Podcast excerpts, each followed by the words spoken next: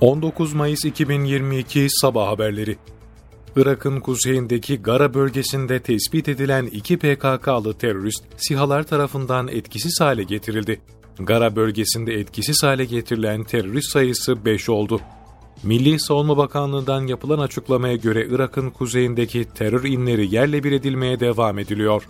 Bu kapsamda Gara bölgesinde iki PKK'lı terörist daha tespit edildi. Teröristler SİHA'lar tarafından etkisiz hale getirildi. Böylece Gara bölgesinde etkisiz hale getirilen terörist sayısı 5 oldu.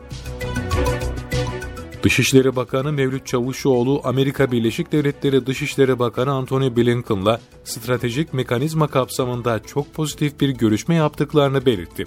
Bakan Çavuşoğlu, Amerika ile Türkiye arasında F-16 satışı konusundaki görüşmelerin olumlu seyrettiğini ve çalışmaların devam edeceğini belirtti. Bakan Çavuşoğlu, Blinken'ın Finlandiya ve İsveç'in NATO üyeliği konusunda Türkiye'nin güvenlik endişelerinin giderilmesi için gerekli mesajları vereceğini söylediğini aktardı. Beyaz Saray Ulusal Güvenlik Danışmanı Jake Sullivan, Finlandiya ve İsveç'in NATO üyeliği konusunda Türkiye'nin güvenlik endişelerinin karşılanabileceğini, Amerika'nın da süreçte rol oynayacağını duyurdu. Sullivan, İsveç ve Finlandiya'nın adaylık başvurusunun tarihi önemde olduğunu belirterek söz konusu ülkelerin üyeliğine desteklerinin tam olduğunun altını çizdi. Türkiye'nin İsveç ve Finlandiya'nın NATO üyeliğine karşı tutumunu da değerlendiren Sürviyan, günün sonunda Finlandiya ve İsveç'in NATO'ya etkili bir şekilde erişebileceğine ve Türkiye'nin endişelerinin karşılanabileceğine inanıyoruz yorumunu yaptı. Türkiye'de 1443 kişinin COVID-19 testi pozitif çıktı, 3 kişi hayatını kaybetti. Sağlık Bakanlığı'nın paylaştığı günlük koronavirüs tablosuna göre dün 135.563 COVID-19 testi yapıldı, 1443 kişinin testi pozitif çıktı, 3 kişi hayatını kaybetti. İyileşenlerin sayısı ise 1274 oldu.